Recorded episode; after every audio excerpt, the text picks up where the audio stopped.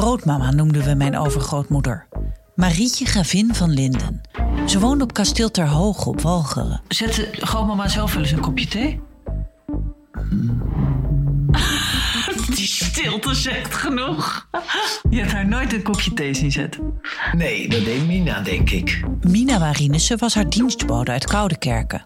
Ze bleef altijd ongetrouwd en werkte hard voor haar mevrouw. Je kon bepaalde dingen wel eens merken dat ik dacht, doe je mond open. Ze kon geen kant op. Luister naar Mina en mevrouw. Een podcast van mij, Maartje Duin, voor VPRO's OVT, NPO Radio 1. Ter ere van 40 jaar Nacht van de Poëzie verzamel ik, Bianca Schrijver, buitengewone verhalen van gewone mensen in de podcast Nu je het zegt. Verhalen over veranderende vriendschappen, kleine heldendaden en ook over wachten op de dood. Ik bedoel, ik heb zeven jaar geleden dacht ik van ja, mijn pensioen ga ik niet halen. Omlijst met de mooiste optredens op de Nacht van de Poëzie hoor je elke aflevering één verhaal. Je moet er niet zo lachen, want ik... Luister nu je het zegt hier in je podcast-app. Leuk dat je luistert naar Boeken FM. Hou jij ook zo van gemak? Abonneer je dan op deze podcast, dan hoef je nooit meer een aflevering te missen. hey, en als je dan toch bezig bent, laat dan ook een recensie en een genereuze hoeveelheid sterren achter in je podcast-app. Dan kunnen andere luisteraars ons makkelijker vinden in hun podcast-apps en het geeft ons natuurlijk een goed gevoel van binnen. De leukste recensie wordt voorgelezen door Joost de Vries. Heb je een vraag of ben je onredelijk boos op ons? Stuur dan een mailtje naar boekenfm.dasmag.nl Are you ready? Ik ben wel Are you ready for Are this? you ready for loving me? Wat een timing. Wat een timing. Wie had dat gedacht? Dit is Boeken FM, de podcast van Das Mag en de Groene Amsterdammer over boeken en de inhoud ervan.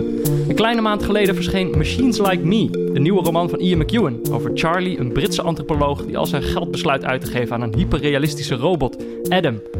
Als het bewustzijn van Adam groeit, dringt zich ook steeds meer het centrale dilemma op. Wat is Adam precies? Als iets in alles lijkt op een mens, moet je het dan ook zo behandelen? Maar dat is natuurlijk niet het enige probleem van Charlie. Hun land is in oorlog, zijn relatie met zijn bovenbuurvrouw Miranda komt onder druk te staan. Er is een moordenaar naar hen op zoek en dan is er ook nog een slepende adoptieprocedure. Het is een grappig en spannend boek over technologie, maar ook over wraak, liefde, rechtvaardigheid en de tragedie die ons misschien wel te wachten staat. Nu is er een Nederlandse vertaling. Machines Like Me. Oh nee, machines zoals ik. Ik ben Peter Buurman en ik praat erover met literair columnist van NRC. Ellen Dekwits, die al enige minuten keihard nee zit te Het schudden is naar geen mij. moordenaar, Peter. hey, eh, dat weten die luisteraars nog niet. Hi Peter, leuk om hier te zijn, dankjewel. En sinds kort adjunct hoofdredacteur van De Groene, Echt? Joost de Vries. Ja, Oh, ik, las dat. Ja, ja. Ik voel me Oh, ja. hij heeft ook een heel, er. veel grotere stoel heeft hij erbij gepakt. Ja, een troon. Troon. Ja, nou ja, nou ja, misschien eh, wilde hij het dat altijd al. Ehm, Ian McEwan. Ik dacht even kort. We gaan er meteen in. Ehm, wie was Ian McEwan voor jullie voordat jullie dit boek begonnen te lezen? Waanzinnig origineel schrijver. Bij elk boek dat je van McEwan openslaat, weet je nooit helemaal wat je kan verwachten van ehm, de kunst van het verhaal vervalsen tot en met het duisterste van de menselijke ziel. Hij heeft alles eigenlijk in zijn oeuvre wel aangepakt. In zijn eh, vroege jaren heet hij ook wel Ian de Macabre, omdat het nogal eens ledematen, bloed en organen door het beeld heen vlogen. Voor mij, en ik ben natuurlijk afgestudeerd op 9-11, en waarbij ik ook McEwan's zogenaamde 9-11 roman Saturday heb behandeld, Ah, ja. eh, tot dusver een heel interessant schrijver, een ontzettend goed verhalen vertellen en een heel sterk stylist. Maar ja, ik verbleek natuurlijk bij Joost de Vries, die zijn hele oeuvre heeft gelezen. wou- en ja, ook Ian is- McEwan 50 keer heeft ontmoet, waar hij de rest van deze aflevering over zal vertellen. Hi Joost, wat kenmerkt nou het schrijven van Ian McEwan? Ik weet nog goed de eerste keer dat ik Ian McEwan ontmoette. nee, maar goed, ja, eh, dat, dat is eh, de prijs die je moet betalen om, eh, voordat je adjunct mag worden. Dan moet je al zijn boeken gelezen hebben. Eh, nee, maar inderdaad, het, het is zo'n schrijver, wat Ellen eigenlijk ook al zei, die een consistent niveau heeft en je consistent verrast. Dat elk boek is weer volledig iets anders dan het andere. En het begon inderdaad als, als Ian McCaber. In de begin jaren tachtig had hij echt een aantal van die serie beetje dunne romans eh, bij de novelles, waar heel vaak toch wel op een gegeven moment er een lijk was en een, een moordenaar. Een van zijn mooiste boeken, eh, heel smal of heel dun boek, eh, heb je zo in een één zitting gelezen, The Comfort of Strangers. Over een, een jong stel die ehm, ja, een, een, een weekendje naar Venetië gaan En daar met een soort heel raar ander stel in aanraking komt. En dat wordt steeds gewelddadiger en seksueler. En ja, goed, uiteindelijk hangen de doden in de lucht. Wat een van mijn favoriete eh, romans van hem is. Dat is echt zo'n zo'n jaloersmakend boek is... eh, en dat, dat, dat geeft ook heel mooi iets aan wat, waar McEwan zo goed in is. is Black Dogs. En het begint ermee met iemand die vertelt van, over zijn schoonouders. En die zijn op een huwelijksreis eh, kort na de oorlog in de jaren 40... ehm, zijn ze aangevallen door twee zwarte honden. En hij weet niet helemaal precies wat er gebeurd is. En dan gaat hij eerst met die moeder praten. Eh, Oh, ik zijn denk dat je, heb je al een keer over verteld, Ja. denk ik. Ja. zijn schoonmoeder gaat hij praten en die vertelt het verhaal van die honden. eh, en wat die honden voor haar symboleren, eh, waar ze symbool voor stonden en, en wa- waarom ze haar leven hebben veranderd. Vroeger gaat hij met die vader praten, die vertelt het verhaal ook. Dus je hebt eigenlijk al drie keer het verhaal gehoord. En vervolgens vertelt hij het verhaal. En het verhaal is dan alsnog doodeng. En, en daar is hij heel goed in. Hij kan heel goed zo in dat moment schrijven. Heel goed. Eh, jij kent misschien ook wel Enduring Love. Dat is een boek waarvan heel veel wordt gezegd dat de beginscène zo goed is dat de rest van het boek bijna tegenvalt. En dat is een boek, het gaat over een paar kinderen in een ballon. En die ballon stijgt per ongeluk op. en volgens springen allemaal eh, omstanders aan die ballon om de ballon tegen te houden. Maar die ballon gaat alsnog langzaam omhoog. Ja, wanneer laat je los? Ja, dat is dan de vraag. Wanneer laat je los? En sommige mensen laten dus op tijd los. En één iemand laat laat eng. En dat is gewoon een van de mooiste scènes. Echt, gewoon echt jaloers maakt om te lezen. Dat uiteindelijk valt er één man af. En het is een soort van helling. En dan de hoofdpersoon loopt die helling af. Naar dit lichaam toe. Je begrijpt langzaam dat die man dood is. Nou, ik weet niet. Daar is hij heel goed in. In zo'n heel toenemende mate. Zo heel erg dat je in dat moment zit. Waarin dat moment steeds enger wordt.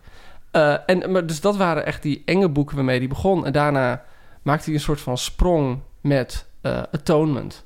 Wat opeens een, een soort van Literairder werd. Virginia Woolf-achtig eh, roman dat, die zich in de oorlog afspeelde. Eh, hij schreef inderdaad, hij won de Booker met eh, Amsterdam. Wat door heel veel mensen als een van zijn mindere boeken wordt gezien. maar dat is alleen omdat het einde heel slecht is en, Ja. en onwaarschijnlijk. Maar alles daarvoor is heel goed. Daarna had hij inderdaad Saturday, wat, wat een soort van ja, geweldige schets van het, eigenlijk het moderne leven. Het is ook wel het Ulysses van eh, post 9-11 eh, Europa genoemd. En terecht, ja. En daarna, na Saturday, begon hij echt op de millimeter van de menselijke ziel en de menselijke verhoudingen te spelen met On Cecil Beach.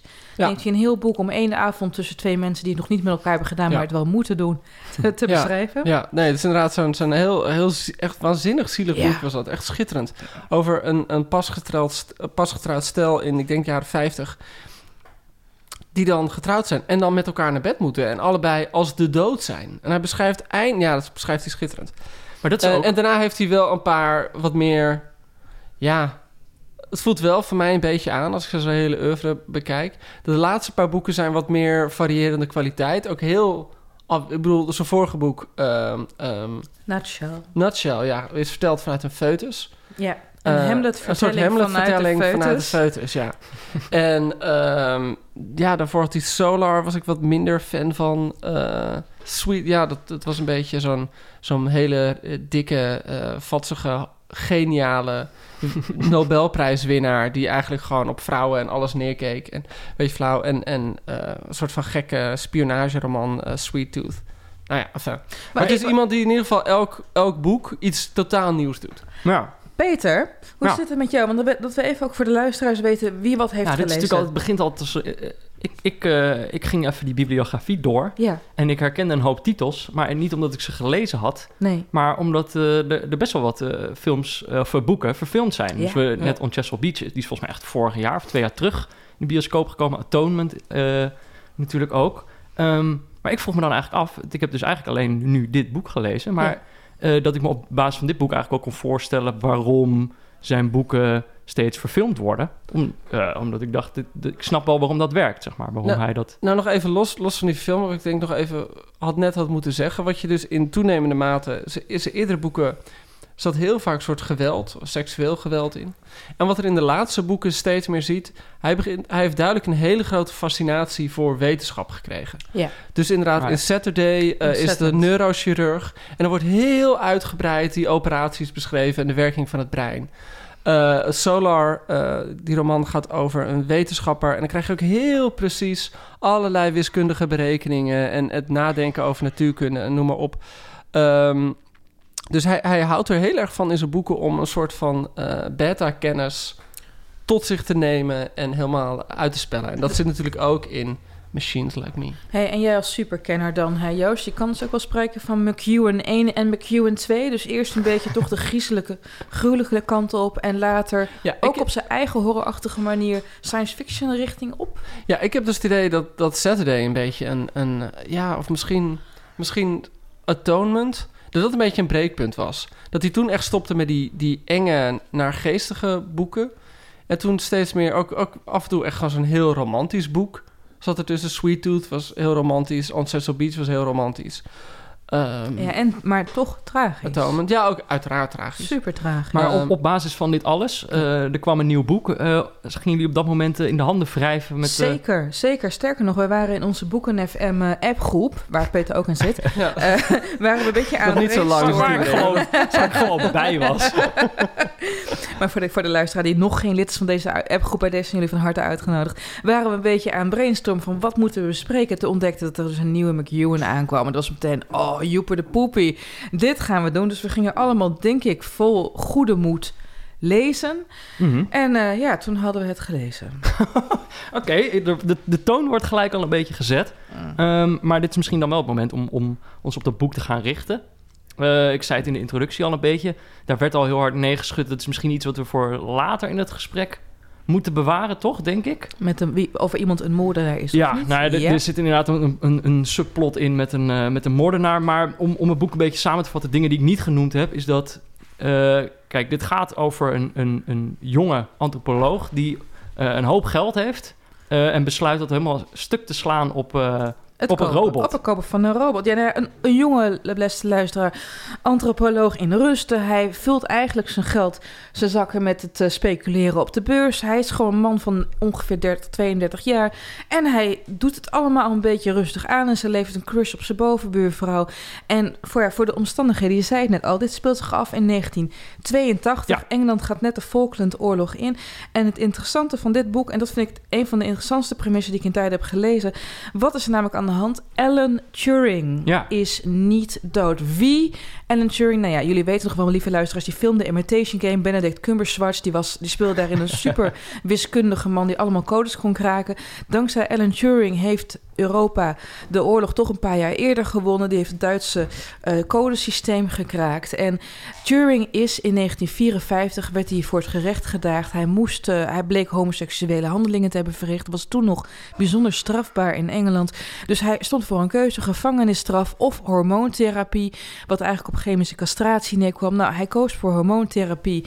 Vervolgens is hij waarschijnlijk... eh, ja, men, men- men weet nog steeds zeker of het zelfmoord was... Ja, of dat of de niet, ja. geheime dienst erachter zit. Maar hij is gestorven door een hap van een met cyanide vergiftigde appel. Een soort sneeuwwitje, al was er nu geen prins op hem wacht kussen. Want het was strafbaar in die tijd. In dit boek heeft Turing een andere keuze gemaakt. Kijk, in, hij is, eh, in, in, in ons universum is hij overleden in 1954, geloof ik. In dit boek Leeft niet. hij nog? In dit boek is hij er gewoon hij nog. is voor de en gevangenisstraf gegaan. er wordt ook gesuggereerd dat, eh, dat dat er ook voor gezorgd heeft dat de artificiële intelligentie zo snel vooruit gegaan is. Nou. dat er uiteindelijk in de jaren 80 Ja, dit soort hyperrealistische Gesuggereerd, robots... Peter. Het, Turing- het- het bestaat met uitroeptekens en caps lock en neonletters. Goed, nee, nee, Turing is natuurlijk de, de, de grootvader van de artificial intelligence. Dus je hebt ook de Turing-test. Ja. Eh, die is al, die, die algemeen bekend. Dat is zeg maar de test of je van een intelligentie, van een kunstmatige intelligentie doorhebt dat het een kunstmatige intelligentie is. Zeg ik dat goed zo? Ja, ja Of en, dat nou, ze en, het zelf doorhebben. Want, nou, en dat is eigenlijk het ding.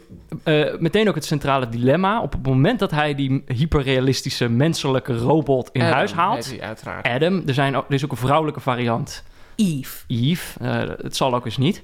Ehm, maar die, op het moment dat hij die in huis haalt, eh, dan moet hij eerst nog wel, dan moet hij eerst nog de persoonlijkheid instellen. Dus hij moet nog wel, zeg maar, die, die robot op zo'n manier instellen dat het ook zijn robot eh, wordt.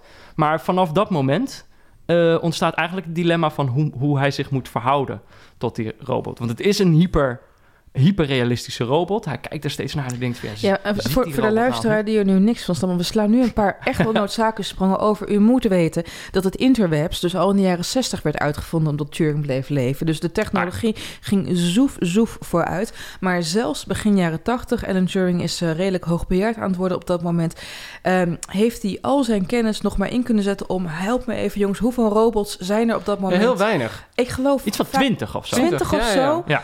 Eh, waarvan vier Eves door een sheik in Qatar of zo zijn aangekocht. Ja, ja, ja. En eigenlijk aan het begin van het boek staat de hoofdpersoon Charlie Friend eh, voor de keuze van ja, ik moet die robot gaan configureren naar mijn eigen wensen. En dan besluit hij zijn crush, bovenbuurvrouw Miranda, te vragen van hey, Chol, hey, we romantisch gaan doen? Laten we even samen een robot configureren. En hij weet niet, en dat maakt het meteen spannend, wat voor een instellingen zij heeft Nou, gekozen. Dus de spanning zit eigenlijk nog daarvoor. Ik vond dat echt wel, dat eerste hoofdstuk, eh, ik, ik, zeg maar, ik moest aan dit eh, boek beginnen.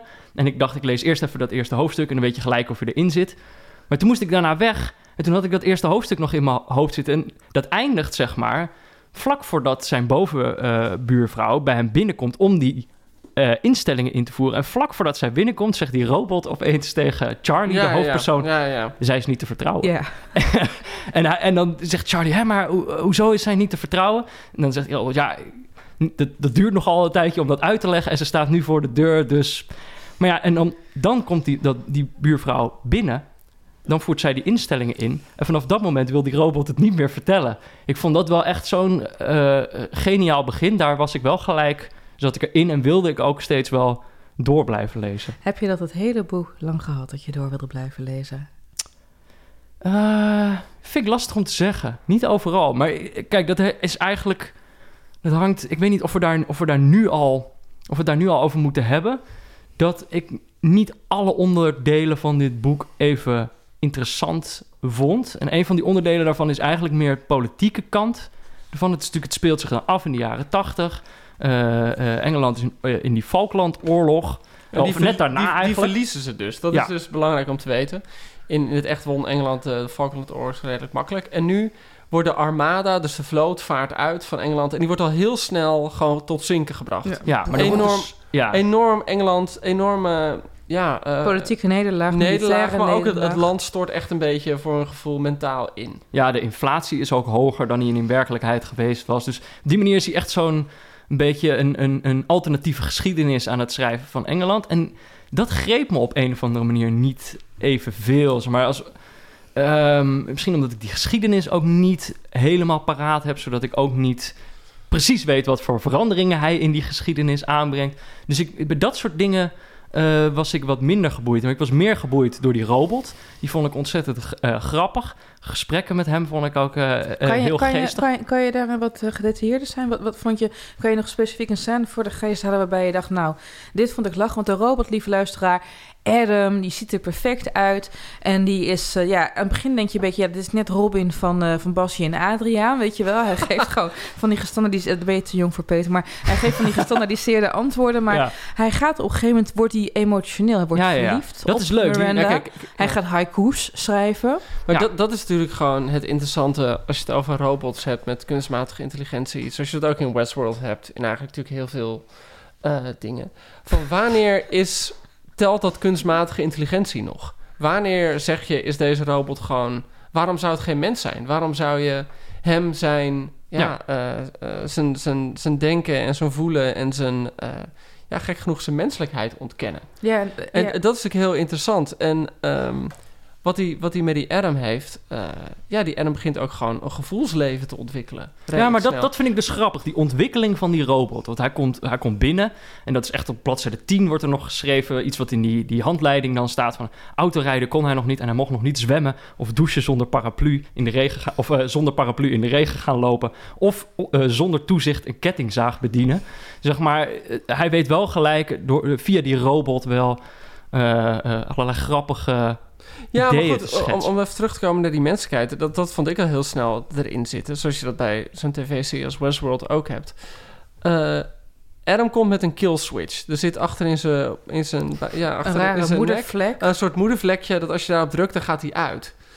En de eerste paar keer zet hij hem gewoon uit. En Als hij er genoeg van Als heeft. hij daar even genoeg van heeft. Maar later begint die Adam tegen hem te zeggen van... ik wil niet dat je me uitzet. Nee, precies. Ja. Eh, en dat, ik bedoel, dan, dan ontstaat er echt iets. Ik bedoel, ik, ik had al heel snel heel veel empathie met de robot. Eigenlijk, en dat is eigenlijk wat je... Ja. Wat ik bijvoorbeeld, om, om, ik zal niet dat over Westworld hebben... maar dat je meer empathie met die robots voelt dan met de mensen. Ja, dat had ik ook denk ik wel in dit boek. Maar eh, empathie, maar het was ook gewoon, die robot was ook gewoon leuker. Want eh, ik, kan ik dit op een gegeven moment, dan wil hij hem weer uitzetten. En dan, eh, dan die, grijpt die, eh, die, die Adam, die robot, die grijpt zijn hand. En die zegt van dit, eh, dit gaan we niet doen. Hij, hij breekt uiteindelijk ook zijn arm.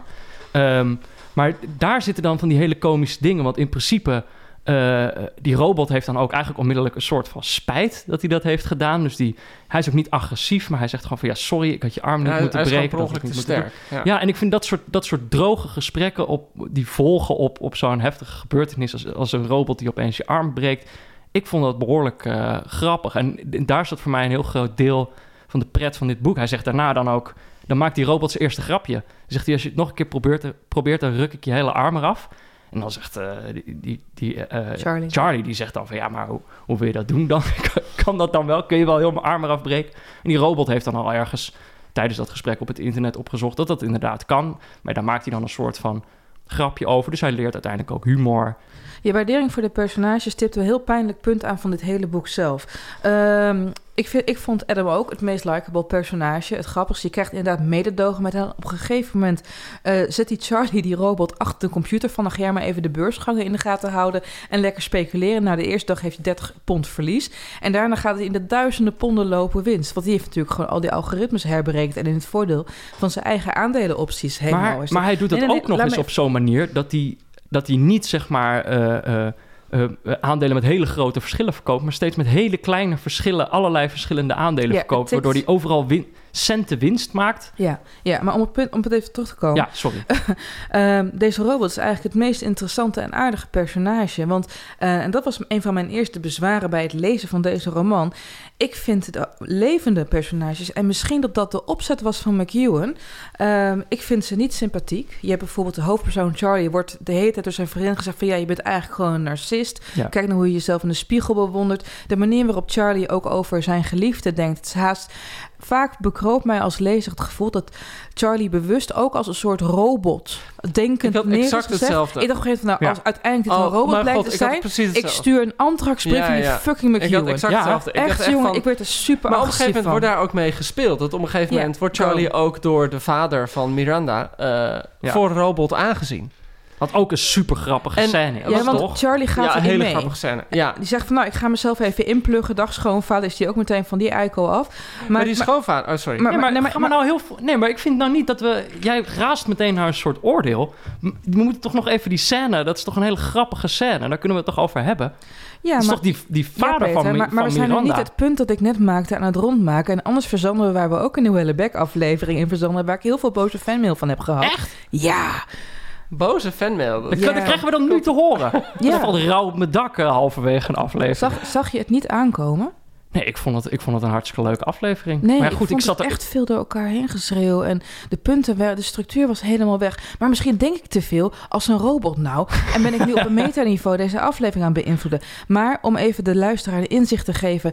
De andere hoofdpersoon, Miranda, de girlfriend. Die is ook, die heeft een beetje een gniepig verleden. Die is op een zekere manier zo stubborn dat je het niet meer gelooft. hey, weet je wat? Laten we nu naar de scène gaan. Waarin de schoonvader van Charlie kennis maakt met Charlie. En op een gegeven moment denkt dat hij een robot is. Joost, wat wilde jij hier nou voor interessants Nou, over zeggen? Daar wilde ik, ik wilde gewoon eigenlijk via die schoonvader terugkomen op, ehm, op Adam, de robot. En ik ben het helemaal met je eens, Ellen. Dus gewoon, ik, ik zat hem echt te lezen en ik denk, oh nee, als Adam, of zoals Charlie aan het einde een robot blijkt. Ja, maar dat had ik ook. Had Want- ik ook. want, Ik dacht, ik bedoel, ja, het dat is gaan we niet toch niet alleen- meemaken. Het is niet alleen dat hij, ehm, het is niet alleen dat, dat Charlie eh, een, een ijdel of onsympathiek personage is. Ik heb niks tegen onsympathieke personages. Maar is ook gewoon een beetje een saaie lul. Ja, in hoe die denkt en hoe die praat. En eh, er komt gewoon niet heel veel licht totaal binnen. mediocre. En wat ik dan heel grappig vind, eh, ja, totaal mediocre. En daarom vind ik het zo leuk. En, en dat vind ik iets nieuws dat McEwan doet met robots. Want hij begint mee, en op de eerste pagina zegt hij meteen...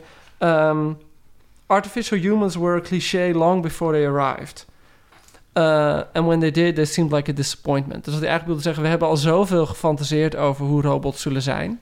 dat als ze er eenmaal zijn, ja, dan je weet alle verhalen al. Ik bedoel, een soort- dus, maar daardoor voelt hij iets heel goed aan toe, namelijk dat die gewoon die hyperintelligentie van die robot. En dat die vader, om dan terug te komen op die scène waarin eh, ze die vader bezoeken, die vader is schrijver.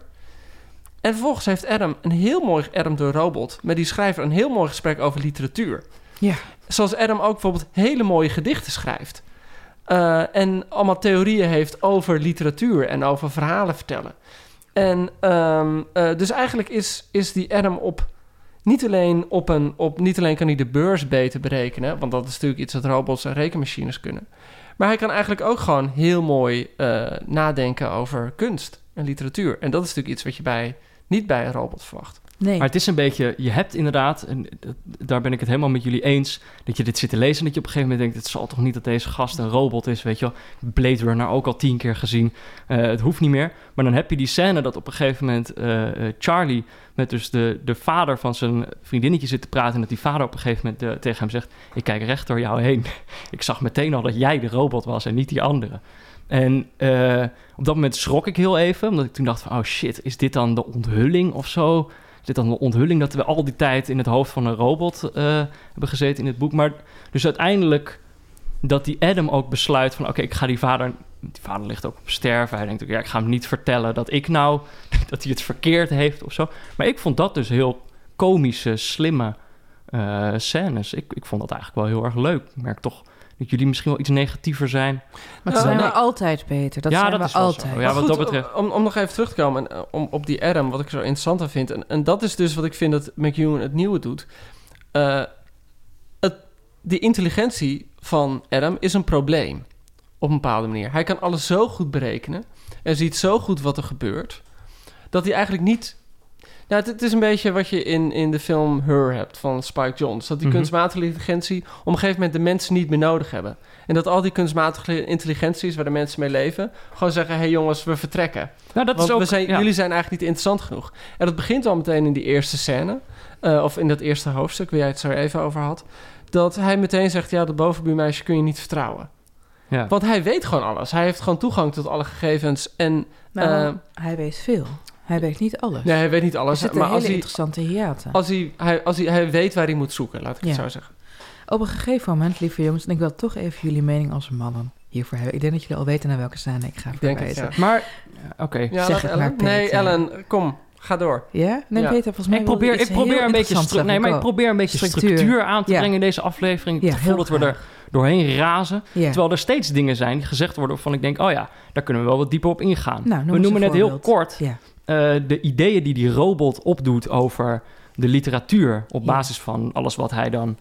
Dat vond ik ook een van de grappige dingen dat dan steeds wordt gezegd. Hij zit te denken en dan staat denken zo tussen aanhalingstekens. En wat dat eigenlijk betekent is dat hij dan gewoon als een soort cowboy op de prairie over het internet aan het eh, gaan is. Maar dan leest hij dus ook heel veel literatuur en dan zegt hij op een gegeven moment... en dan heeft hij het over de literatuur en over die toekomst... dan zegt hij... Adam liet Miranda's eh, bericht op, op zich inwerken en knikte. Maar hij liet zich niet weerhouden door ons stilzwijgen. Bijna alles wat ik in de wereldliteratuur heb gelezen... beschrijft varianten van menselijk tekort. Aan begrip, aan verstand, aan wijsheid, aan het juiste medeleven. Een tekort aan kennis, eerlijkheid, welwillendheid, zelfbesef. Maar als de verbin- verbintenis van mannen en vrouwen met machines voltooid is, zal deze literatuur overbodig worden, omdat we elkaar dan te goed zullen begrijpen. Onze literaturen zullen hun ongezonde voeding verliezen. De bondige haiku, de stille, heldere waarneming en verheerlijking van alles zoals het is, zal nog de enige benodigde vorm zijn. Ik weet zeker dat we de literatuur, literatuur uit het verleden zullen blijven koesteren, ook als we ervan gruwen. We zullen terugkijken en ons verwonderen over hoe goed de mensen van lang geleden hun eigen tekortkomingen weergaven. Hoe ze hun conflicten en monsterlijke onvolkomenheden en onderlinge onbegrip tot briljante en zelfs optimistische fabels verweefden. Dat vond ik dan Ja, maar dat, dat, Eh. dat, dat sluit natuurlijk aan bij wat ik net zei. Dat Ja. hij eh, eigenlijk zo slim is dat problemen niet zouden moeten bestaan voor hem. Want je Nou. kunt ze overwinnen, je kunt ze overkomen. Nou, en literatuur problemen- draait natuurlijk altijd om onbegrip.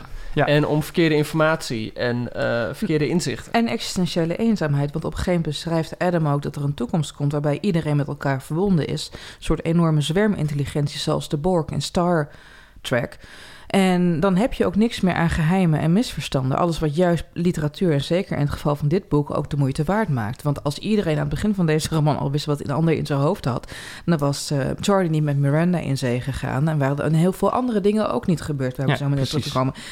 Maar, maar is dit onderwerp nu voldoende uitgediept? Oh, nou ja, wat mij betreft wel hoor. Maar ik Wat dacht, heerlijk. Wat Ja, fijn. volgens mij had jij een ander onderwerp. Ja, want ik sta te popelen, lieve Peter. Dat is namelijk zo. Ik wil zo graag weten wat jullie hiervan vinden. Op een gegeven moment is namelijk een hele een scène die ja eigenlijk in elke recensie ook is teruggekomen. Ehm, en Adam is dus een mannetjesrobot. En de, eh, oh dit, oh, oh ja. de verpakking zegt het al, alles zit erop en eraan. En hij is dus ook volgens de verpakking in staat om sexy te doen.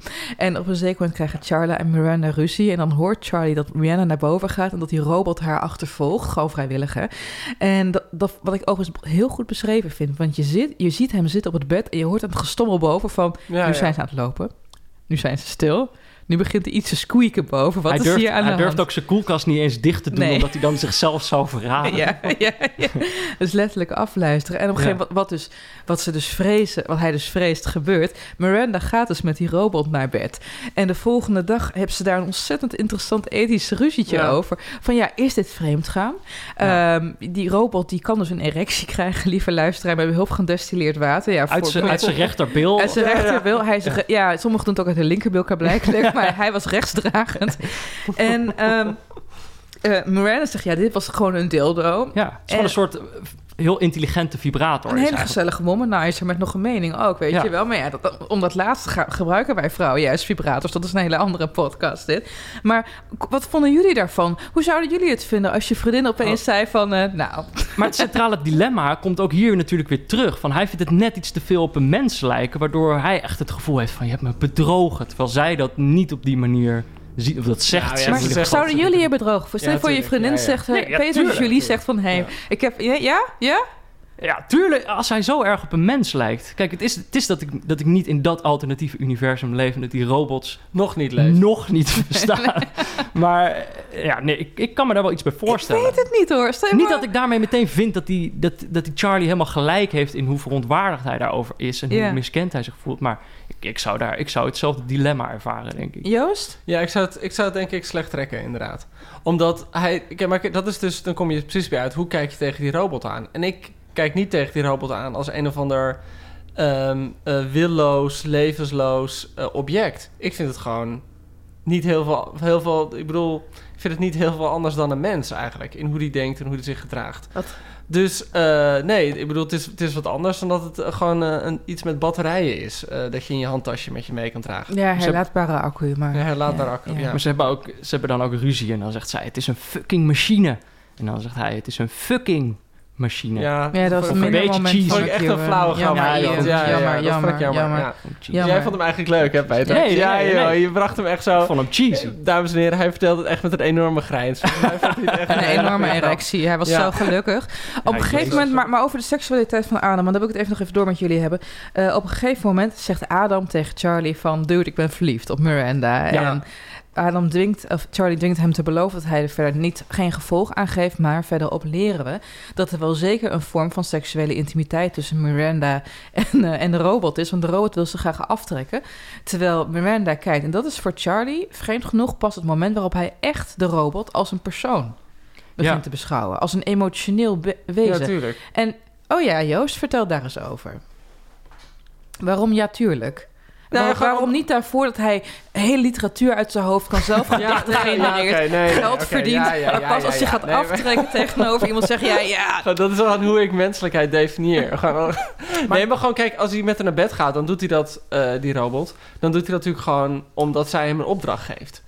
En hierbij zie je Ah. echt iemands persoonlijke eh, eh, lust en persoonlijke seksualiteit naar voren komen.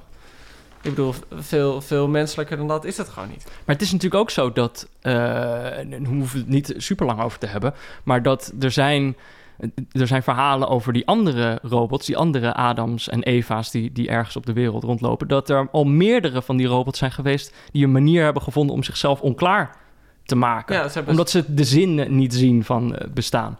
Ehm, maar deze Adam doet dat niet. En een van die redenen is dat hij Miranda heeft. denkt dat hij verliefd is. Of dat, dat hij dat daadwerkelijk is. Ja, dat weet je niet. Toch? Hey. Oh, wat gebeurt hier? Een timing. We hebben weer luisteraarsvragen.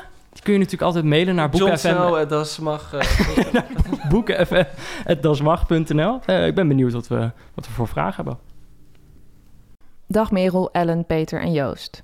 Wat is Boeken FM een plezier om naar te luisteren? Jullie zijn het levende bewijs dat praten over boeken niet saai of oppervlakkig hoeft te zijn. Dankzij Boeken FM heb ik Rob van Essen leren kennen en ben ik onder meer Rachel Kushner, Dorte Nors en Fox 8 van Saunders gaan lezen. Black Dogs van McEwan, Old School van Tobias Wolff en andere boeken liggen klaar. Al die tips zijn een erg fijne aanvulling op mijn leeslijst, waarvoor dank. Ik heb twee vragen voor jullie. Vraag 1. Welke Vlaamse schrijvers lezen jullie graag?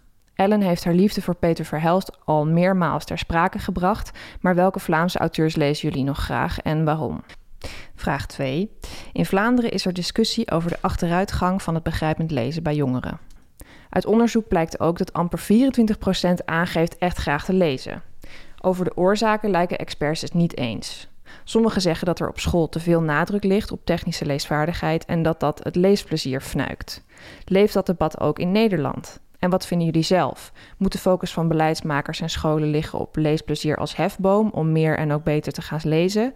Of start alles bij technische leesvaardigheid? Oké. Groeten, Maarten. Hmm. Nou, eh, dankjewel Nou, voor je vragen, Maarten. Ja, ja, dankjewel voor de warme woorden. En wat fijn dat je zoveel Vraag leest. 1 ben ik eigenlijk al... Oh nee, Vlaamse schrij- favoriete Vlaamse schrijvers. Dat was vraag 1, toch? Ja, nou, favoriete Vlaamse schrijvers. Ik bij het spits af Louis Paul Boon. Menuet. Topboek, poëtisch, dramatisch. Eh eh, Menuet is eigenlijk, lieve luisteraar, Machines Like Me. Maar dan dat er iedereen gewoon van vlees en bloed is... en eentje zwaar minderjarig en sexy. Eh, Jeroen Brouwers, ja, Vlaams-Nederlands Ja, om het zo ja. te zeggen. Saskia de Kosten natuurlijk. Onder de dichters lees ik heel graag Charlotte van den Broek. Ehm, natuurlijk, eh, ook als dichter Peter Verhelst. Eh vul mij eens even aan Joost. Hoe zit het met ik jou? ben altijd toch gewoon... eh, en dan moet je oppassen dat je niet de, de grote namen noemt. Maar ik ben toch altijd gewoon benieuwd bij elk boek... wat Tom Lanois nu weer gaat schrijven. Hm. Ja. Dat is ook zo'n schrijver. En dat is echt iets wat ik waardeer in, in heel veel schrijvers. Dat elk boek een andere setting heeft. Een ander dilemma, een ander onderwerp. Ja. Dat, dat de schrijver nieuwe dingen doet. Dus, dus natuurlijk lees ik Lanois. Ik vond Wil heel sterk van Jeroen Olieslagers. Ja. Zeker. Eh, echt een, een uitschieter van de laatste tien jaar. Ja. Ehm, ja, eh, maar ja. Ik, we hadden het over de middelbare school. Ik had op de middelbare school... was ik ook niet echt een, eh, echt een veellezer of zo. Maar een van de boeken die, die bij mij een, wel gewoon eh, een- de juiste snaar wist te raken... was De Helaasheid der Dingen. Ja. Ja, dan kijken jullie misschien... Ik zat toen nog op de middelbare school Ja, toen dat boek kwam. Maar dat was echt van Dimitri Verhulst natuurlijk. Dat op een of andere manier... het heeft een soort helderheid, maar ook een, een dilemma... Waar ik, eh, waar ik veel bij voelde en waar ik nog steeds heel vaak aan moet, moet denken. Ik weet niet wat ik ervan zou vinden als ik het nu zou lezen... maar ik vond dat wel een hele goeie. Oké, oké. Ehm, nu, nu ik dit zo bedenk trouwens, hè, aanvullend Hugo Claus natuurlijk. Toneelwerk, zowel dichtwerk als eh, de, de romans. En ook eh Patricia... Een beetje obscuur vind ik dat wel hoor. Ik weet niet of Hugo jullie daar kennen. Ja, dat ik een beetje... Nee, ja!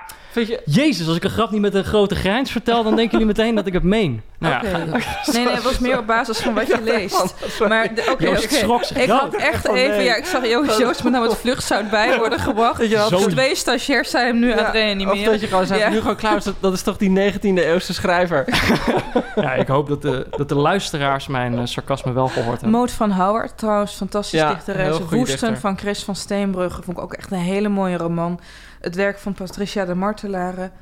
Ja, eigenlijk eh, zitten, zitten veel moois daar. Maar hebben wij nog eh, advies voor de, de leesvaardigheid op de middelbare scholen? Dat is vraag Advies? 2, toch? Nou, Ja, dat ja, was vraag de, twee, de, de vraag was, waar moet het nadruk op liggen? Het technisch lezen of leesplezier bevorderen?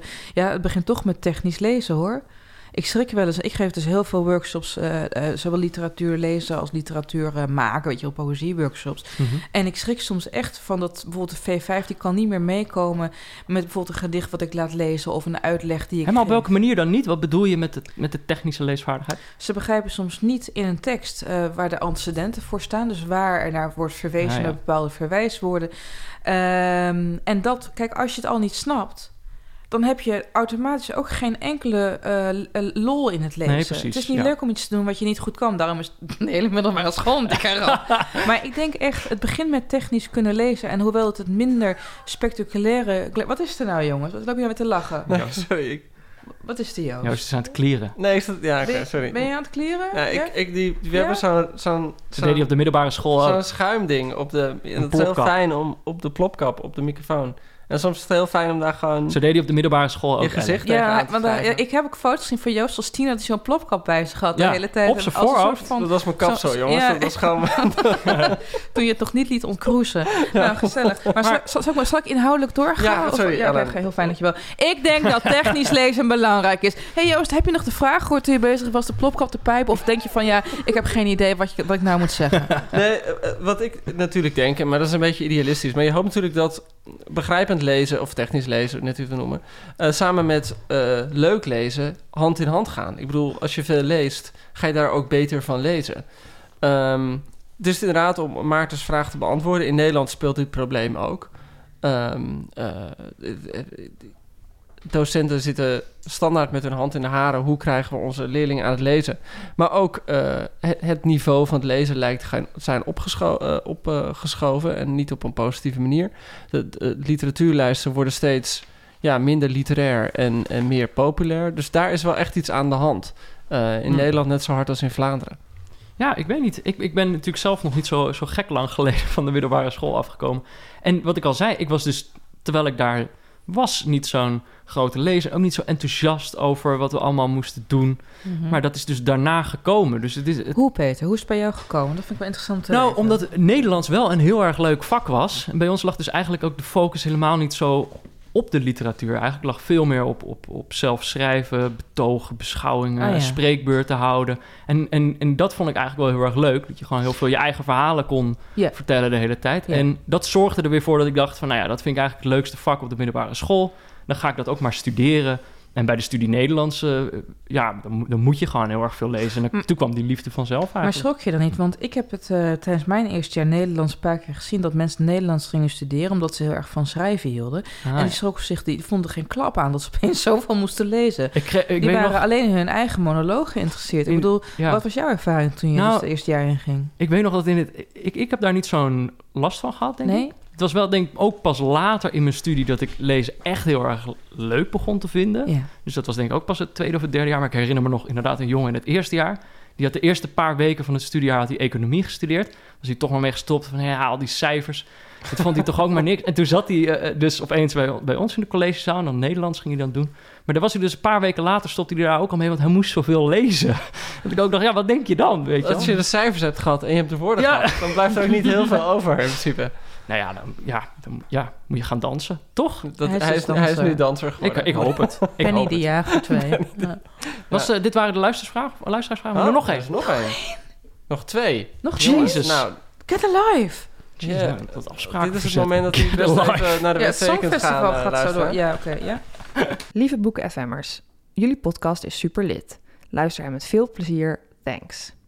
Mijn vraag, ik ontdek graag nieuwe muziek en ben de afgelopen jaren bewust verstrikt geraakt in een web van social media accounts, online tijdschriften, muziekplatforms, labels, nieuwsbrieven van smaakmakers, etc. etc. etc. Dit web voorziet mij elke dag van grappige tips.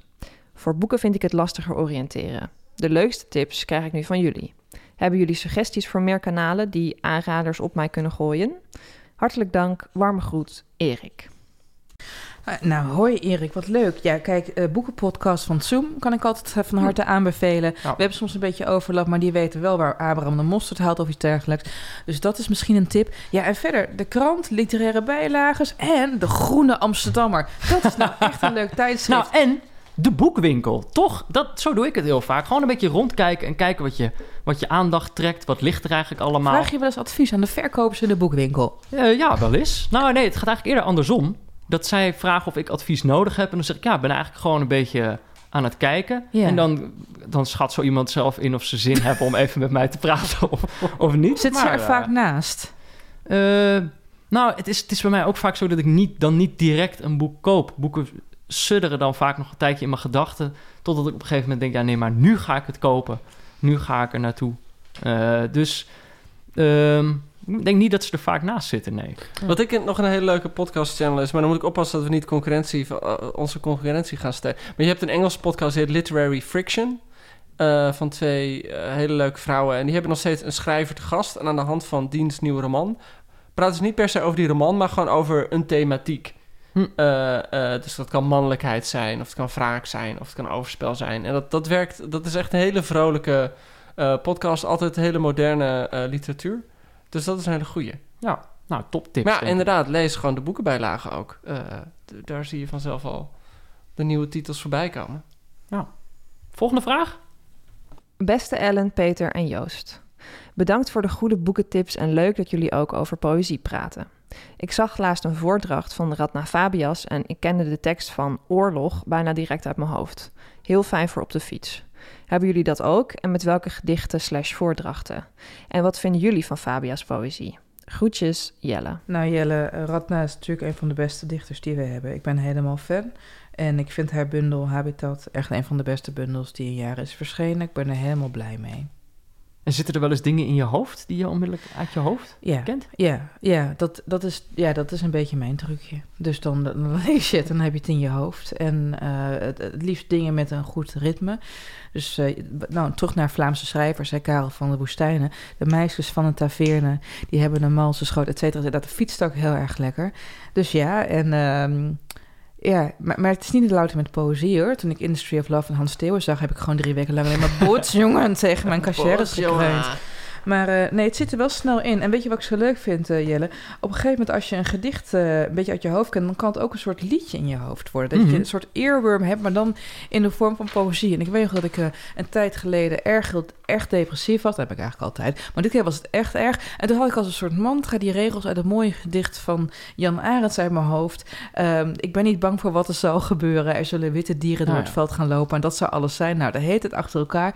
En dat heeft me samen met een overdosis medicatie toch echt wel door een paar lastige uren heen gesleept. Over naar jullie.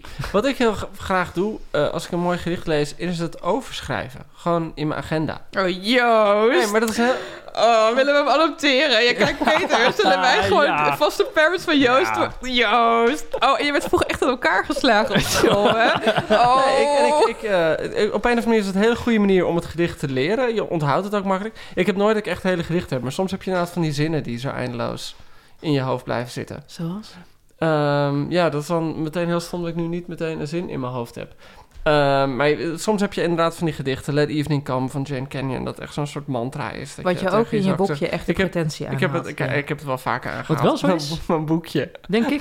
Ja, sorry, oh, dat klonk heel erg maar het is meer de omvang, lieve boekje, dat luisteraar. schrijf- dat schrijft Want dit is je. natuurlijk het Gödel Escherbach van de Nederlandse 21e eeuws literatuur. Dankjewel. Peter, je wil wat zeggen? Wat, wat wil je Nou, zeggen? dat, dat, eh, wat volgens mij deze vraagsteller ook zei, is dat, dat het bij mij ook vaak zo is als ik het hoor, dan blijven dingen hangen. Als ik het lees, dan glijdt het toch soms, weet je wel, poëzie. Maar, welke poëzie heb je dan onlangs gehoord die in je hersenen... nou ja, maar ik, ik moet dan nu opeens denken aan, aan, aan Kaas Schippers. Ja. Maar dat is gewoon, die heeft natuurlijk een, een kenmerkende stem. Die heeft zo'n gedicht over, over allerlei huishoudelijke taken... die allemaal een bepaalde duur hebben... en hoe je die allemaal in elkaar kunt passen. En dan heeft hij het op een gegeven moment over twee verschillende taken. Ik weet ook niet meer precies welke, maar dan zegt hij... wat een duo. En op een of andere manier dat zit... dat, dat schiet nu opeens in Dus mijn die, hoofd. die drie woorden zijn dus in je hoofd. Wat een duo. Nee, nee, ja, maar dat ja, zegt ja, hij ja. dan zo zelf... omdat ik het hem heb horen zeggen. Met die intonatie. En daarom Ja, Ik heb dus heel lang heb ik Wim T. Schippers en K. Schippers door elkaar gehaald. Ik dacht Ja, ik ook. dat hij de Ik stem ook. van Ernie was. Een soort pindakaasgedichten. Eh, dacht ja, jij, dat inderdaad. Ja. Nou ja. Ja. Maar eh, omgekeerd heb je het ook wel eens. Ik bedoel, eh, ik heb ook wel schrijvers horen voorlezen uit hun boeken. Dat de magie van het boek meteen wegviel. Dat het, Ja? dat het dan heel koddig werd. Of Ja, zo. nu Of moet dat- je namen gaan noemen, Joost. Nou, bijvoorbeeld eh, Rachel Kushner, bijvoorbeeld. ehm, die we een paar aantal eh, afleveringen terug hebben besproken. Ze had toen zo'n boek gelezen, de Flamethrower, geschreven. Flamethrower vond ik een heel bijzonder boek. En dan had ze één personage in, gelukkig niet de hoofdpersoon, maar daar las ze een scène voor. En dat ging ze echt een soort van typetje maakte ervan. Een soort van gek provinciaal stemmetje kreeg ze opeens. en ik echt dacht, wat is dit nou weer? Omgekeerd heb ik het ook gehad hoor, dat ik mensen heb horen voorlezen... en dat ik toen pas snap van, oh wacht, dit is eigenlijk gewoon heel grappig. Ik heb het wel eens met Grunberg gehoord dat hij iets hoorde voorlezen. Ook wel eens met Edward St. Alban. eh, dat opeens een stuk zoveel grappiger was. Dat Thomas Oosterhof. Dat is dus een dichter die niemand op papier begrijpt. Maar als je die man hoort voordragen... je, oh, dit bedoelt hij. Dit is, Ja. dit is de waarheid. Oké. Zullen we terug naar dit boek? En we hebben al aardig wat dingen eh, de, de revue laten passeren. Ik hoop voor Zijn de we wel luisteraars... inhoudelijk genoeg? En, en Urgent. Ik, genoeg. ik, hoop, Urgent? ik hoop dat het voor de luisteraars eh, op, op begrijpelijk en diepgaand en niet eh, eh, te veel je, door ik vind elkaar je heel hebben veel door ons heen praten, Peter. Ja, dat Ja, is, dat is wel waar, ja. ons de hele tijd. tijd. Dat is wel waar. Dat is- tijd. waarom doe je Nee, dat dat nou? is wel Echt super zijn- vervelend. Ik dacht, rechtvaardigheid. Laten we dan nu zeg maar een ding waar we het nog niet over hebben gehad. En het hangt wel samen met de kern van het boek, denk ik. We moeten niet, denk ik, eh, het plot van de tussen aanhalingstekens moordenaar, denk ik, helemaal gaan uitvouwen. Maar rechtvaardigheid speelt ook een, eh, grote rol in dit boek. Vooral omdat Adam, de robot, daar anders over denkt dan eh, Miranda en Charlie, de twee eh, mensen in dit boek. Nou ja, er is een kwestie. Die Miranda, zij verbergt iets. Dat zegt de robot eigenlijk meteen, dus in het eerste hoofdstuk zegt hij dat al. Gaandeweg in het boek kom je erachter wat dat precies is. Zij heeft iets gedaan. Met goede intenties. Met goede intenties heeft ze iets slechts Heeft gedaan. ze iets crimineels gedaan, maar ze wilde een soort vorm van wraak. Nou ja, dat is ook typisch in het Ja. van McEwan. Ze wilde een soort wraak nemen. En die robot, die begint goed en kwaad tegen elkaar af te wegen. Nou ja, on, en die zegt, Miranda, luister, ondanks jouw goede intenties... ben je toch een crimineel. En daar gaat die robot dus zelf op eigen houtje naar handelen. En ik denk dat je daarbij het dichtste komt bij het verschil tussen robots en mensen als het gaat om ethiek. Mensen hebben de neiging om hun eigen daden te verdoezelen en de daden van anderen, precies dezelfde daden bij een ander, eh, zwaarder te wegen als het gaat om dat het Ja. slecht of dat het kwaadaardig zou zijn. En dit is, moet ik zeggen, een van de eh, leukere, mooiere dingen aan deze roman. Dat je die hele ethische spagaat een beetje van beide kanten meekrijgt. Ja. En ik was daar enigszins wel... Ja, ik was daarvan gecharmeerd. Maar vooral, het had niet eens een robot bij hoeven zijn... die haar confronteert met het feit dat ze zich niet ethisch heeft gedragen. Ik vond het dilemma zelf al interessant genoeg. Wat vond jij, Joost? Had het zonder robot gekund of moest er een tandwieltje bij? Het boek in het algemeen. Nee, ja, nee, kijk, ik, ehm, het grappige is wat McEwan doet in het boek, maar dan komen we al meer een beetje richting de eindoordelen. Eh, hij, Dat mag, Hij, mag. hij verzint gewoon een aantal dilemma's waar hij die robot voor gebruikt. Ja. Dus hij, waar we het al eerder over hadden, het gaat opeens over seks. En dan is het dilemma, wanneer is iets overspel? Eh, al, al kijk je naar die uitknop, dan is de vraag, wanneer is iemand menselijk? Wanneer Eh, is iemand een slaaf? Ja, wanneer is iemand een slaaf? Precies. Ehm, al gaat het over eh, die literatuur en problemen, dan gaat het inderdaad ook weer over de vraag van, goh, wat is poëzie? En inderdaad, in dit geval heb je dan heel erg over hoe absoluut kun je ethiek nemen. En hoeveel empathie heb je met jezelf en, en excuses met jezelf voor iemand anders. Ja, voor iemand anders. Dus wat Mc- McEwan meer doet dan dat ik het echt nou per se een superlopend verhaal vond, is dat hij gewoon dacht van oké, ik heb een robot. En McEwan is daar heel goed in om dilemma's te bedenken in zijn- in zijn boeken. Daarom ben ik eigenlijk altijd benieuwd. Ik ben altijd benieuwd hoe hij het gaat oplossen. En in dit boek had ik gewoon het idee van, oh wacht, hij had hij bedacht van weet je wat? Ik heb een robot en heb ik deze, deze en deze dilemma's bij. Natuurlijk ook nog dat, dat dilemma van de kennis. Van hoe ga je om met iets, met iemand die alles kunt weten, kan weten. Ja. Ehm, Maar ik denk eigenlijk, om jouw vraag eh, te beantwoorden... en ik denk dat ik het daarin wel eens ben met Joost... ik denk dat die robot toch wel nodig is...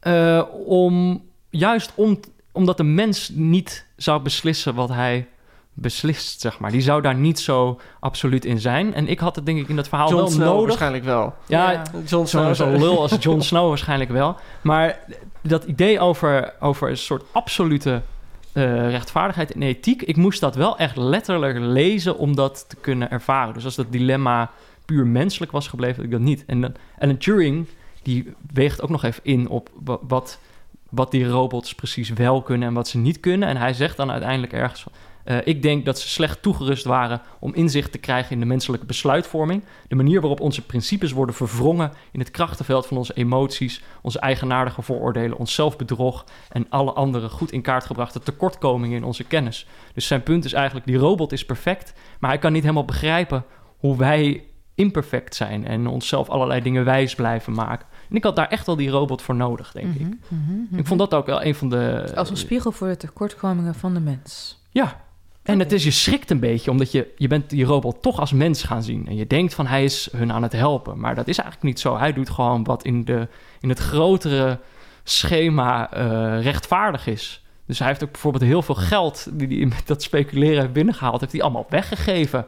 Toch? Moet ik dat dan weer... Oh ja, sorry, nou ben ik toch dingen aan het verklappen. Ja, maar dat soort dingen doet hij allemaal. Ja, dat vind ik... Dat vind ik eh, daar had ik die robot echt wel voor nodig. Hey, de tijd eh, begint te dringen, jongens. Wat vonden wij eigenlijk kwalitatief van deze roman? Ja, ik, ik heb... Is het, is het, is het een lompe overgang? Nee, vind ik niet. Nee? Ik vind het gewoon i- iemand moeten doen ook gewoon. Ja, iemand moet het doen. Oké, oké, wacht. Als we, als, als we het aanhouden dat je positief moet beginnen, laat ik dan beginnen. Want ik heb het gevoel door dit gesprek dat ik iets positiever insta dan, dan jullie. Ja, go. Eh, dat ik eh, kwalitatief eh, eh, een, een heel eh, spannend, spannend verhaal vond. Dat heeft hij slim gedaan. Ik had wel echt het idee van deze weet wel hoe hij een verhaal moet opbouwen. Wat ik al zei, dat eerste hoofdstuk greep mij meteen. Eh, ik vond het eh, grappig, heel veel grappige gesprekken. Ik vond het heel interessant. Eh, en ik vond het ook wel onderhoudend. Dus ik denk dat ik, ik ben wel heel positief. Maar ja, ik bedoel, daar, daar moet ik ook bij zeggen. En dat blijft dan steeds... Ik heb niet het hele, de hele voorgaande oeuvre van hem gelezen. Dus ik, heb nog, ik ga daar dan blanco in. Ik heb, eh, ik heb wel meer van hem gelezen. En dat, dat kan natuurlijk het eh, lezen van zo'n nieuw werk van een auteur die je al waardeert echt verpesten. Want de lat is hoog. Dat hadden we natuurlijk ook in onze vorige aflevering. Luister terug, lieve mensen, eh, van Noëllebeck. Maar eh, in dit geval eh, maakt het, stelde ik me toch ook maar even de vraag. Of wat, wat, wat ben je nou weer aan het Ja, sorry, ik zie op het beeldscherm iets staan. Oh, en wat is het dan? Sorry, nee, ja, niks. Gewoon de blurb. Hij, heeft heb een blurb voor zo meteen. Oké. Dat Maar ik, ik Joost luister gaat altijd naar je spieken. verhaal. Ja, sorry, ik, ik, Ja, dat moet ik niet doen. Heb je zo je gymnasium gehaald, Joost? ik heb mijn- ik heb mijn gymnasium niet Dat gehad. verklaart veel. We gaan terug naar, naar, naar meningen, lieve mensen. Ja. Ik, ben, ik ben gewoon ook even helemaal het punt uit kwijt door jullie gekut. Oh, sorry. Overnieuw, waar Nee, hadden we het over? gekut? Ik Door Joost gekut. Oh nee, jongens. Ja. Ehm, of deze roman, als ik, stel je voor, als ik niet wist dat die van McEwan was. Hè? Ja. Wat ik, had- want want da- daar, daar zat ik vandaag ook best wel even mee Ja. in mijn maag. Eh, allereerst, je hebt over die spanningsbogen, Peter. Af en toe is het, is het krankjorum spannend. Wil je het echt gewoon om, omslaan. Maar dat heb ik ook bij romans van, van Dan Brown. Weet je wel, je wil wel weten Mhm. hoe het afloopt. Je denkt van, oh nee, wat een cliffhanger. Maar ik vond, en ik, ehm, ik refereer even aan eh, je grote idool Rob van Essen... die dit boek ook al eerder in NRC Moest ik wel af en toe aan denken, als ik eerlijk ben. Doe ik natuurlijk vaker. Aan de goede zoon of aan de recensie in aan kwestie? Eh, nee, oh nee, sorry. Aan de goede zoon moest ik wel denken. Heb, dus- had je de recensie toevallig gelezen van Rob van Essen Nee. NRC? Oké. Toevallig niet. Nee, oké, oké, oké.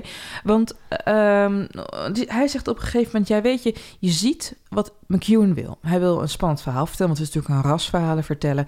Eh, hij wil ook concepten tegenover elkaar uitspelen. Dus inderdaad, wat is ethiek wanneer je artificial intelligence invoert? Hoe verhouden mensen zich tot elkaar? En voor hem was het te duidelijk het verzetten van schaakstukken. En dat ben ik eigenlijk eh, heel erg met hem eens. Niet alleen zijn die schaakstukken aan zich niet interessant. Ik vind Charlie Mhm. boring, Miranda Ben boring. ik het eigenlijk ook wel mee eens hoor. Oké, oké. Ik vond die robot eigenlijk het leukste. Die heeft mij er doorheen gesleept. En stel je voor, het kan, dat kan de opzet zijn geweest van McEwan. Maar desalniettemin vind ik Ja. dat te mager... dat één personage het boek moet redden. En ik weet niet hoe het met jullie zat... maar ik heb dit niet in één ruk uitgelezen. Niet in twee rukken. Ik heb het in veertig rukken uitgelezen. En het was af en toe dat ik echt naar het boek weer keek van...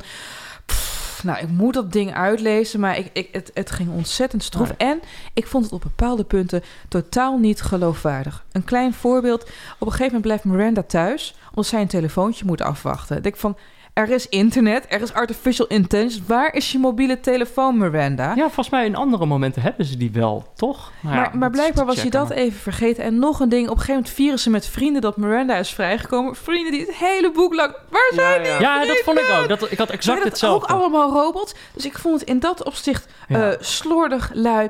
De personages niet sympathiek. En ik, ik, ik- kijk, weet je, en dit is pa het parels zwijnen idee. Wat zitten er fantastische zinnen in? Mhm. Wat zitten er geweldige... Op een gegeven moment dan is er een enorme demonstratie, jaren tachtig. Dus toch staken, of het nou een dystopie is of niet... blijft echt een hit in Engeland. Op een gegeven moment zijn ze bij een staking aanwezig... en dan kijken ze naar een enorm grote mensenmassa... een beetje een soort Malieveld-demonstratie. En dan zijn er ook natuurlijk al dreigingen van de IRA geweest... dat ze een bom zullen gooien. En dan denkt Charlie op een gegeven moment van... ja, dit is gewoon één groot vleestapijt. Gooi je er één bom op en het gaat helemaal naar de kloot. En dat soort observaties vind ik prachtig. En heel, dat maakt, weet je, en het de sterkste werken van Ian McEwan, die blinken daarin uit. Die zijn echt een soort van vuurwerkbom van dat soort geweldige beelden. Maar hier was het te mager. En zijn andere boeken, ik kijk nu even met een schuin naar Joost, vond ik grappiger. Vond ik scherper. Vond ik ook qua menselijke afbeelding ehm meeslepender. Want op een gegeven moment heb je dus heel mooi aan het begin van deze roman... dat die beelden, die scènes heb ik echt gevroten... van dat die Charlie en Miranda verliefd worden... en vooral wat er in Charlie omgaat. Weet je wel, dat obsessieve wat, wat je blijkbaar kan hebben als je verliefd. Dat vond ik zo goed geschreven. Maar dan kakt het verhaal helemaal in. En ook ehm, nog een vraag, hè. Over die ongeloofwaardigheid. Mhm. Op een gegeven moment was er eh, bij de vroege Thatcher-regime sprake van dat ze wetten zouden gaan opstellen, waardoor homoseksualiteit weer strafbaar zou worden. Zelfs homo's naar kampen sturen. Dat is een van de redenen dat de schrijvers van V for Vendetta hun, een- hun graphic novel hebben gesitueerd in Engeland in die periode. En eh, Turing kan gewoon lekker homo zijn, niks aan de hand, hij heeft zijn boyfriend. Ik geloof het allemaal op een gegeven moment ook niet meer.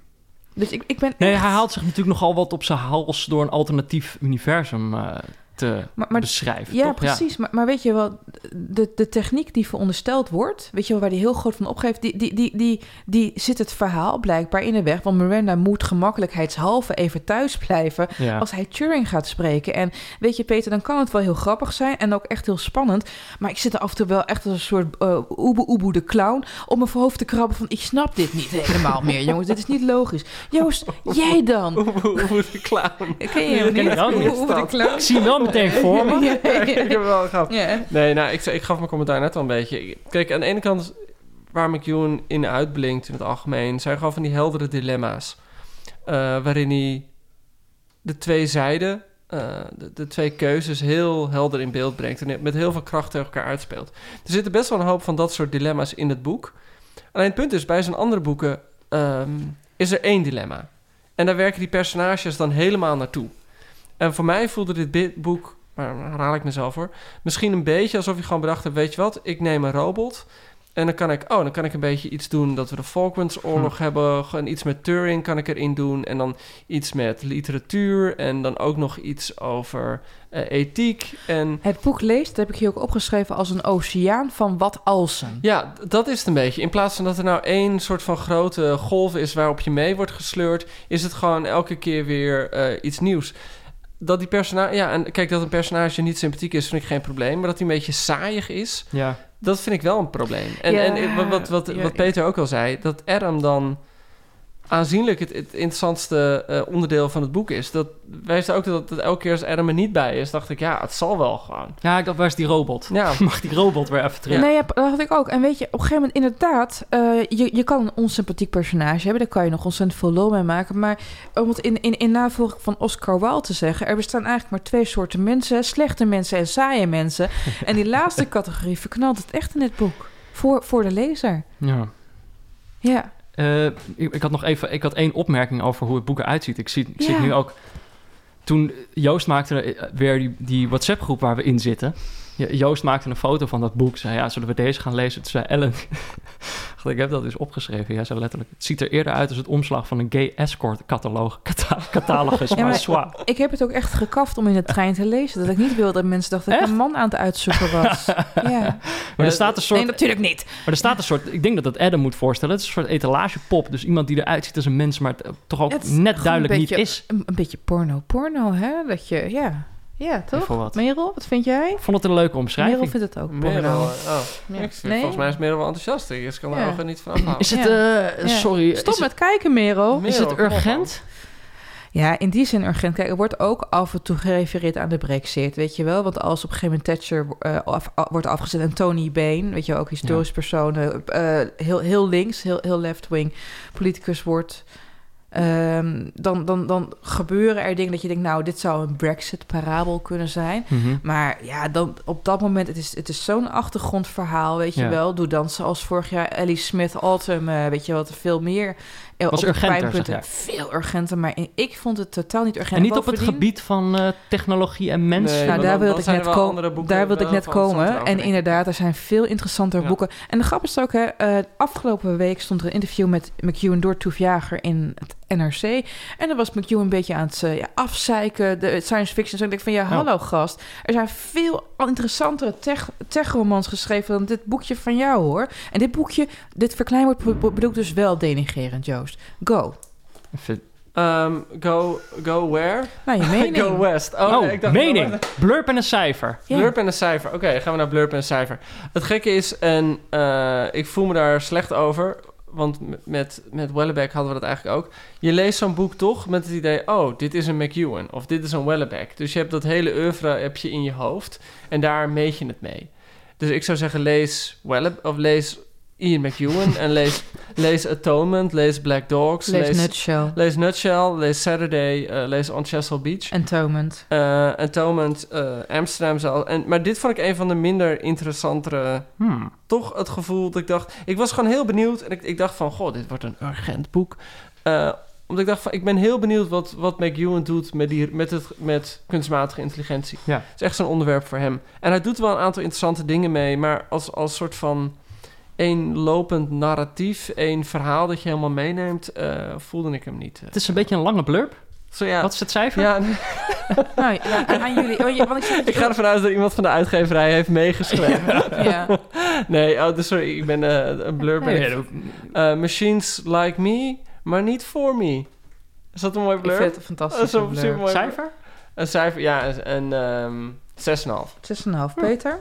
Ik had eh, als blurb, ik heb mijn mening al gegeven natuurlijk, Ja. als blurb eh, machines zoals ik ze graag zie. Maar Eh, dat is zo slecht als die van mij. Eh, ik- maar ik heb een 8. Ik vond het echt eh, veel plezieriger dan jullie denken. Maar moet je nagaan, als je Wat ik al- allemaal nog kan lezen van Totaal. Ja, nou, dat, dat, daar ben ik erg Wat blij heerlijk voor je. Ja. Wanneer ben je jarig? Dat 12 vraag je elke december. Hoezo? Elke aflevering. 12 december is het Nationale Peter Dankjewel. Buurman Dag. Dankjewel, Ellen. ja. Ellen, het slotwoord is aan jou. Ja, ik heb niet eens een blurb. Ik vond het echt, ik vond het echt om te lezen een waste of time. Er stonden een paar prachtige zinnen in, maar een paar prachtige zinnen maken geen prachtige roman. En ik heb er het echt met, op het laatste, het lezen ging zo stroef. Ik heb het echt met zoveel tegenzin gedaan, dat ik een 1 geef. Een Wow! één? Wat? Turbo laag. Dit is, dit is ongelooflijk laag. ja, ja. Dat ik dit nog mag meemaken. Dit- dit had maar dat is omdat ik een verwacht. 8 heb gegeven zojuist. Ja, Nee, nee, absoluut niet. Want ik, want ik Ze had, heeft ik, de ik had de ene berekend, al staan. Ze komt compensatie maar, 1. nee, en ik, heb, ik had de cijfers van tevoren al berekend. En nu, nu ik, ik, ik vind niet dat dit boek sowieso als gemiddelde een voldoende verdient. En met onze cijfers, ik heb het gemiddeld is er 5,2 gemiddeld. Nou, En dat vind ik nog hoog. hey joh, daar mag je ook blij mee zijn. We Toch? weten al welk boek Ja. we volgende keer gaan doen, hè? Ja, dat weten wij zeker. Gaan we maar getuige Peters enorm het blik. Wij gaan, lieve mensen, het geweldige boek The Silence of the Girls Oh ja. van Pat Barker bespreken. Voor de goede orde, we, Een- hebben, we hebben een Boeken FM podcast, eh, appgroep. Daar zit Peter in. Maar Ellen en ik hebben ook nog een andere. waar Ja, de echte Boeken FM. De echte Boeken FM. Godzijdank zit ik daar niet bij. Eh, dit was Boeken FM, eh, de podcast van Das Mag en de Groene Amsterdammer over boeken en de inhoud ervan. Vandaag bespraken we eh, Machines Like Me van Ian McEwan. En eh, je hoort het al, volgende keer weer een ander boek. Ehm, dankjewel Ellen, Dank je, Peter. dankjewel Joost. Oké, Peter. Eh, mocht je nog eh, wat willen opsturen, dan kan dat natuurlijk naar boekfm.dasmag.nl. Eh je kan ook een eh, recensie achterlaten in je, in je podcast-app. Eh, we zijn, als het goed is, eh, bijna overal te vinden in je podcast-apps. Eh, tot de volgende keer. Doei! Wat een kutboek. Ja, Ellen een 1. Ja, maar, ja, maar weet, Ja, maar weet je...